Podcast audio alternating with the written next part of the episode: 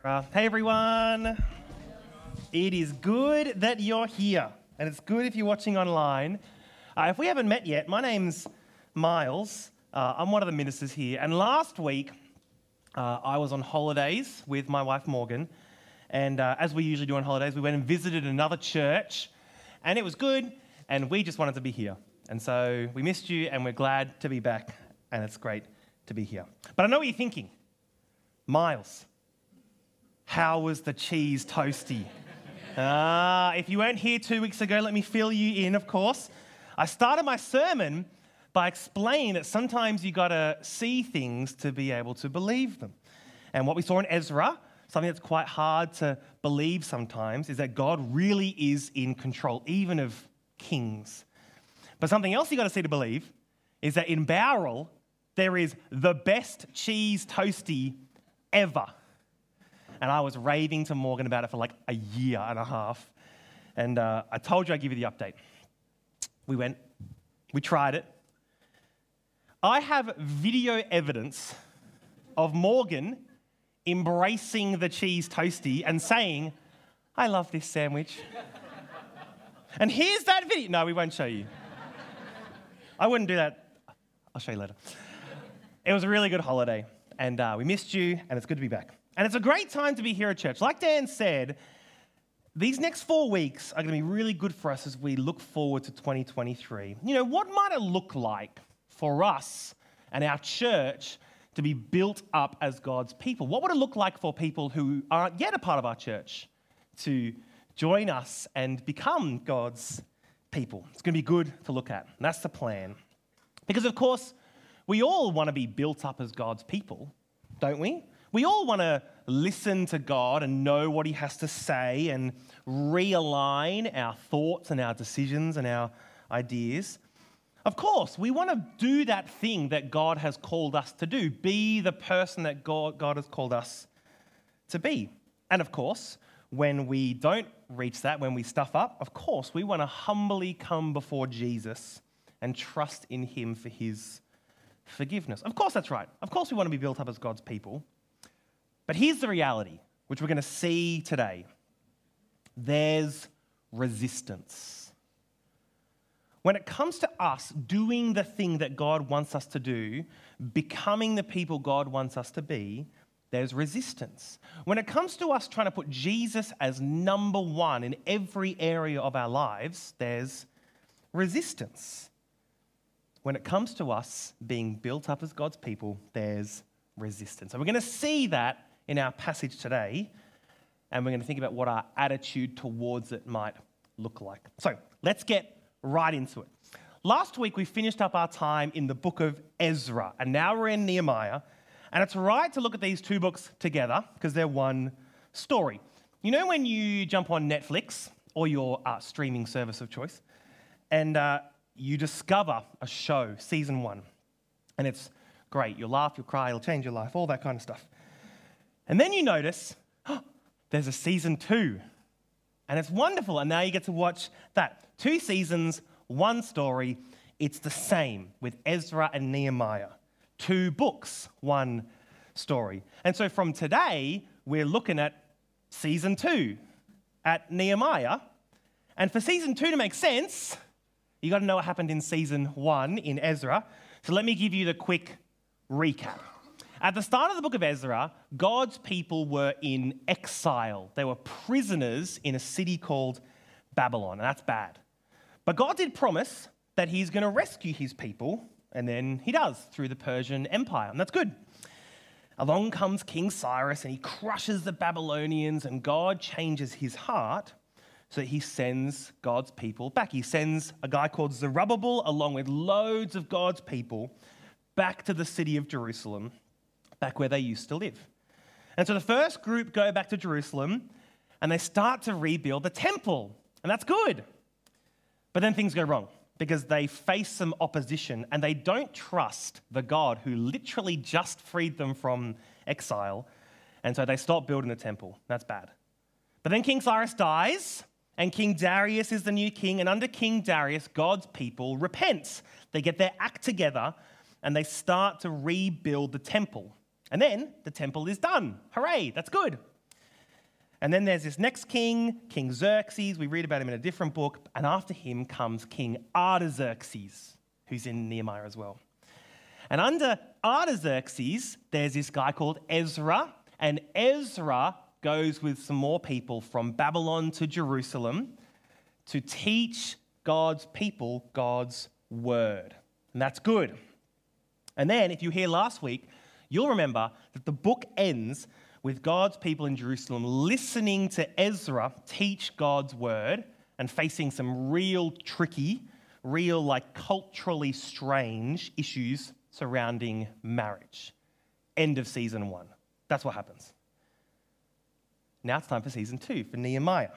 And so here's the scene. If you have your Bible, you better follow along. Chapter 1, verse 2. Nehemiah is in Babylon, and one of his brothers comes back from Judah, where Jerusalem is. And Nehemiah is like, hey, hey man, how's it going over there? And his brother says, the people are in great trouble and disgrace because the city walls are broken down and the gates have been destroyed. At first, that's a weird verse to read, isn't it?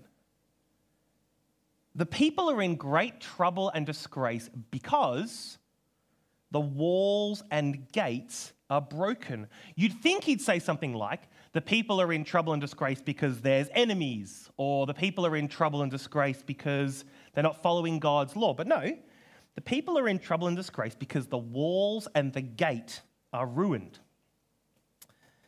This is a good example of sometimes when the, we read the Old Testament, it's complicated. There's all these kind of cultural and historical elements that are, that are quite hard to transfer into our context. Why is it that they're in trouble and disgrace? Because of the walls and the gate. There's two reasons, I think. The first one might be more obvious. The people are in great trouble because the walls and the gate is what protects them from enemies, right? They're in a time where there are wars, there are revolts, pillages, violence, and the city walls, the city gate, they were the main defense. And so the people are in trouble because they are defenseless. That's the first reason. The second reason is this the people are in disgrace because Jerusalem, the city, it's talked about all the time throughout the Bible. And in the Old Testament, Jerusalem is a place that God is going to restore. This is the place where God kind of keeps his promises, fulfills his promises, the place where peace will reign among God's people. One example is in the book of Zechariah. Zechariah was around at the same time as Ezra. And in chapter 8, he's, he paints this really beautiful picture of Jerusalem, the city of peace, God's promised city of police, uh, peace with police, because the police keep the peace. That's probably true.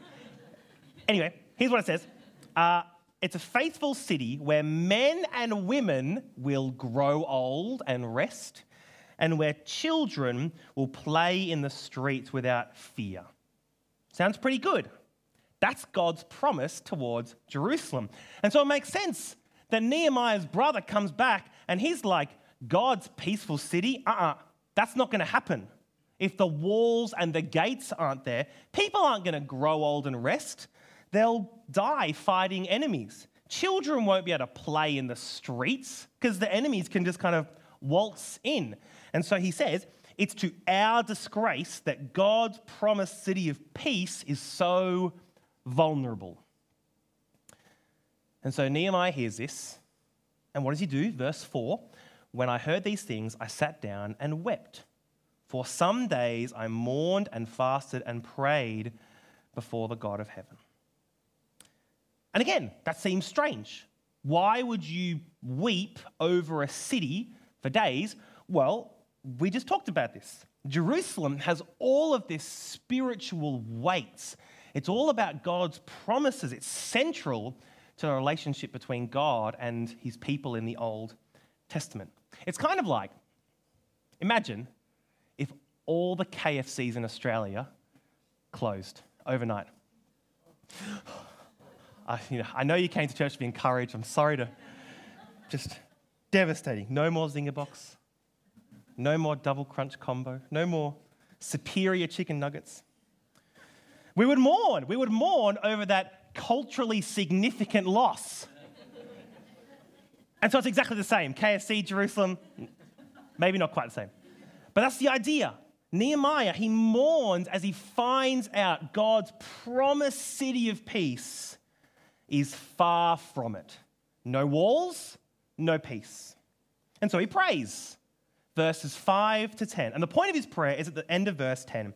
He prays, Give your servant success today by granting him favor in the presence of this man. That is, give your servant success in going to rebuild the walls in Jerusalem by granting him favor in the presence of the Persian king, King Artaxerxes. And so Nehemiah prays that God will change the king's heart to let him go to Jerusalem and rebuild the walls. You know, he's convicted by what he's heard from his brother.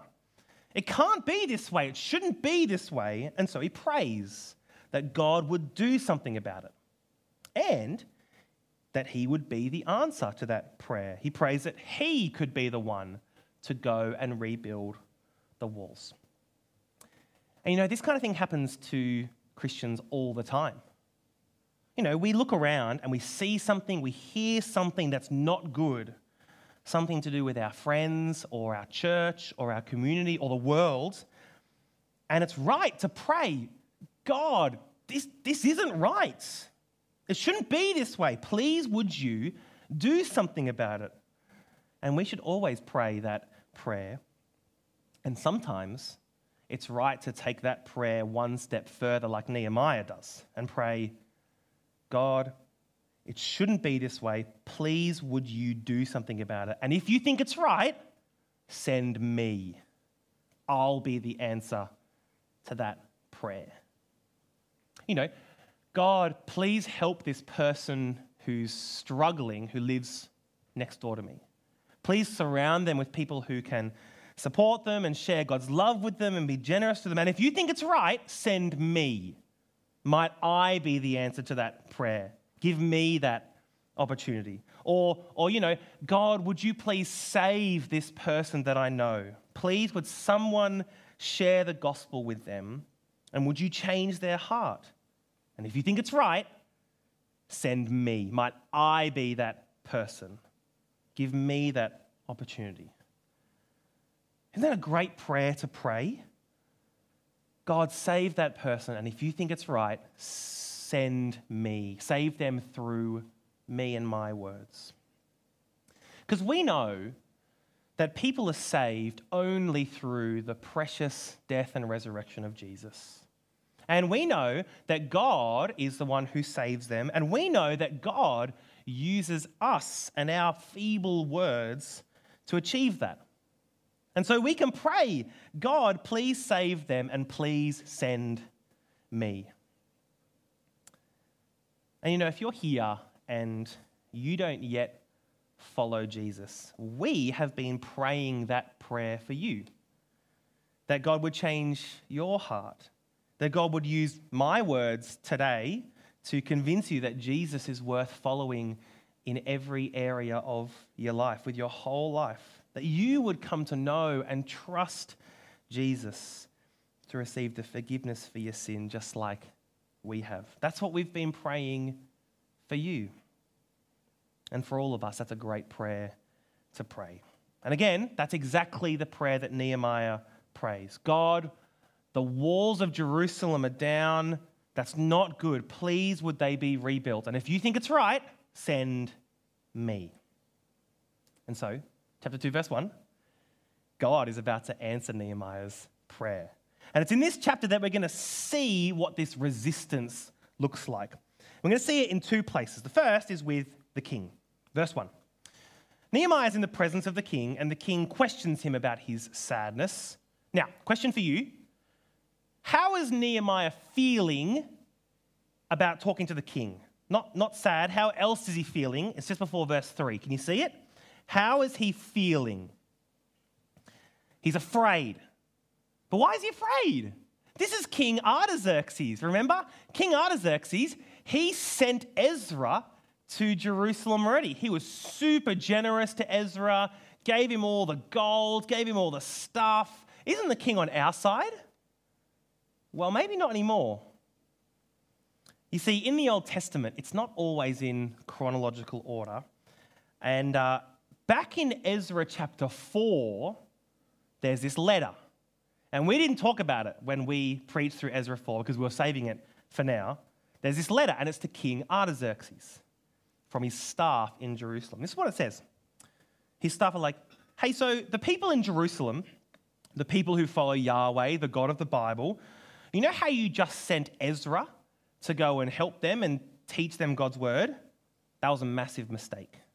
Because if you go check all your history books, King Artaxerxes, you'll see that God's people are not good for you. They're menaces. They'll stop paying taxes, they'll turn on you, they'll betray you if you keep helping them. So stop, stop helping them. And King Artaxerxes replies, and he's like, Hey, thanks for letting me know. I checked the history books, and you are totally right. These people are menaces. No more support. I'm going to stop them from rebuilding the city. Signed, King Artaxerxes. You see why Nehemiah is so afraid? Artaxerxes is like, again, official letter, no more rebuilding Jerusalem. And then Nehemiah's like, hey, so I want to go rebuild Jerusalem. That's terrifying. And you can imagine that this resistance is brewing. You can picture the scene. Nehemiah asked the king, I want to rebuild the walls. And the king's like, I decreed no rebuilding the walls. Are you serious? Execute that man. You can imagine that should be what happened. That's what we would expect. No. What do they do instead? They have a chat. The king asks what he wants, and Nehemiah tells him, I want to rebuild the walls. And verse 7, I want official letters that supersede the old ones to give me protection. Verse 8, I want a letter to Asaph to give me all the timber I need. These are big, bold requests to a king who had decreed no more building in Jerusalem. But, verse 8, and because the gracious hand of my God was on me, the king granted my request. Resistance vaporized. The powerful Persian king who had decreed no more building in Jerusalem, like the pinnacle of potential resistance, and God just removes it. Because the gracious hand of God was on me, the king granted my request. Isn't that amazing that God does this? Sometimes we might expect to find resistance somewhere and God removes it. Or we might expect to find resistance in someone and God removes it. That's what we expected to find in the king. That would have made sense, but God removed it. And so when it comes to us being built up as God's people, when it comes to us following Jesus, putting Him first, realigning our desires to Him, sometimes we're going to expect resistance and it just vanishes. And that's something that you need to know. Like, you need to know that happens. That's encouraging. God is powerful and can intervene. And if you're facing resistance right now, you should pray that God would remove it or reduce it. But you also need to know that sometimes God doesn't remove that resistance. Sometimes the resistance stays right where it is. Look at verse 10. When Sanballat the Horonite and Tobiah the Ammonite official heard about this, they were very much disturbed that someone had come to promote the welfare of the Israelites. And as we read through the rest of the book, we're just going to see how much trouble these guys cause for God's people, how much resistance they put up. And again, if you have your Bibles open, you can scan down to verse 19. Who's there? Sanballat, Tobiah, and Geshem. More people. The resistance is growing. Nehemiah is just trying to do the thing that God told him to do, but there's resistance, growing resistance. Could he remove it? Yeah, of course. He already showed that with Artaxerxes, but he doesn't. And so when it comes to us doing the thing that God has called us to do, being the people God has called us to be, there's going to be resistance, and God might not take it all away. When it comes to us putting Jesus as number one and listening to God and realigning ourselves to Him, there's going to be resistance, and maybe God won't take it all away. For Nehemiah, God took some of it away, but not all of it. And you need to know that that's true. Like, you need to know that. I need to know this. We all need to hear this. God can take away resistance and he can leave it right where it is. And so just have a think. What resistance do you face when it comes to following Jesus? What resistance do you face when it comes to putting Jesus first in every area of your life? What resistance do you face as you listen to what God says in His Word and hold fast to it? Like, what resistance do you face as you are striving to be built up as God's people? That's like a legit question. Think about it. Like, what resistance do you face? Do you, can you think of some examples? Maybe something at home or at school or at work or at uni, at the gym, at, at practice, at the pub, like wherever. What resistance do you face?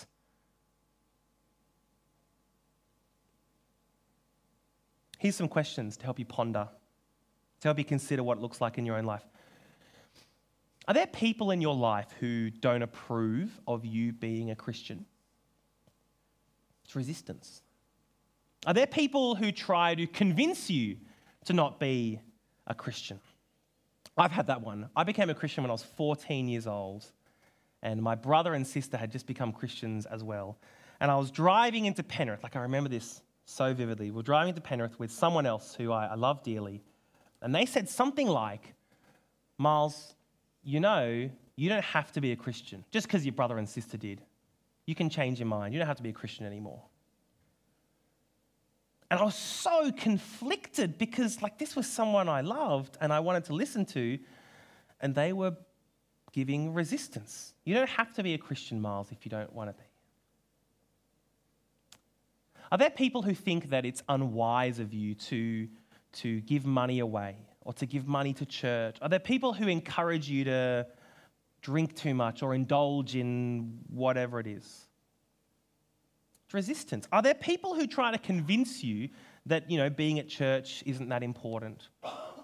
I've had that one a lot as well. When I was in year 11, I, uh, I stopped going to my weekly life group because I'd been convinced by some people who loved me and who wanted what was best for me. They were like, no, no, school is more important. And so I stopped going to my life group. Now, thankfully, my life group leader loved me enough to challenge me to um, get me back there in year 12. But that was resistance. Someone trying to stop me from following Jesus and putting him first. Are there people who, who say to you that the Bible is outdated or irrelevant or hateful or whatever? Why would you waste your time reading that book? Are there people who speak against you or what you believe in, on social media or in the news? You know, what resistance do you face? You know, it's sometimes true that it comes from people who don't like you or don't want, want what's best for you, but it's also true that sometimes it comes from people who love you, who think that they're giving you the right advice, but actually it's against God and what He's calling you to do and what He's calling you to be like. And that's real hard. But what resistance do you face as you try to keep Jesus as, as number one? Like, do you have something in your head? And lots of questions, lots of thoughts. What resistance are you facing? I hope you have at least one answer in your head, because with that answer in your head, I've got one more question for you. Are you going to stick with God when you face that resistance? Are you going to stand firm in God when others try and pull you away? Like, yes, no, maybe, it depends. What are you going to do? What are you going to do when you face that resistance? when I was on holidays, I went to my friend's housewarming party, and he just got married. It was great, had a great time. And there was a guy there who I didn't know very well. And uh, when it came time to go home, he needed a lift to the station, so I drove him to the station. And on the way, I told him I was a minister, and we talked a bit, but it was a short drive, and we got to the station pretty quick. And uh, we got there, and he just didn't get out of my car because he instead just opened up. And he told me this story that when he was in high school, he went to a youth group in an Anglican church in Sydney, and he loved it. He loved learning about Jesus. He loved the leaders, they were kind, his friends were there. It was the highlight of his week. And one week, they had a invite your parents night. Great idea. And so he brought along his parents, and uh, someone preached the truth of the gospel to this guy and his parents. And on the way home, his parents said to him, said to him You don't need to go to that church anymore. And he hasn't been since. Isn't that terrible? What a devastating story. And so we talked some more, and I encouraged him to, to go back to church. And then he went and got the train as planned. You are going to face resistance. He did from his parents who love him and were doing what they thought was right, and it pulled him away from Jesus. And so when you face resistance, will you stick with God? Let me pray that you would and that I would. Let's pray together. Father, our world is so broken, and we look forward to the day when the Lord Jesus will return and bring about a new and perfect creation. But until then, we pray that you would empower us by your Spirit. When we face resistance, help us stand firm. When your word comes under attack, help us to stand firm. When someone tries to convince us that Jesus belongs in second place or lower, help us to stand firm. Whatever resistance it is, wherever it comes from, whoever it comes from, Help us to stand firm. And Father, we pray for those who are really struggling against resistance right now, who are struggling to keep Jesus as number one. Father, please, in your kindness, would you remove that resistance? Would you reduce that resistance? Help them, strengthen them, and empower them.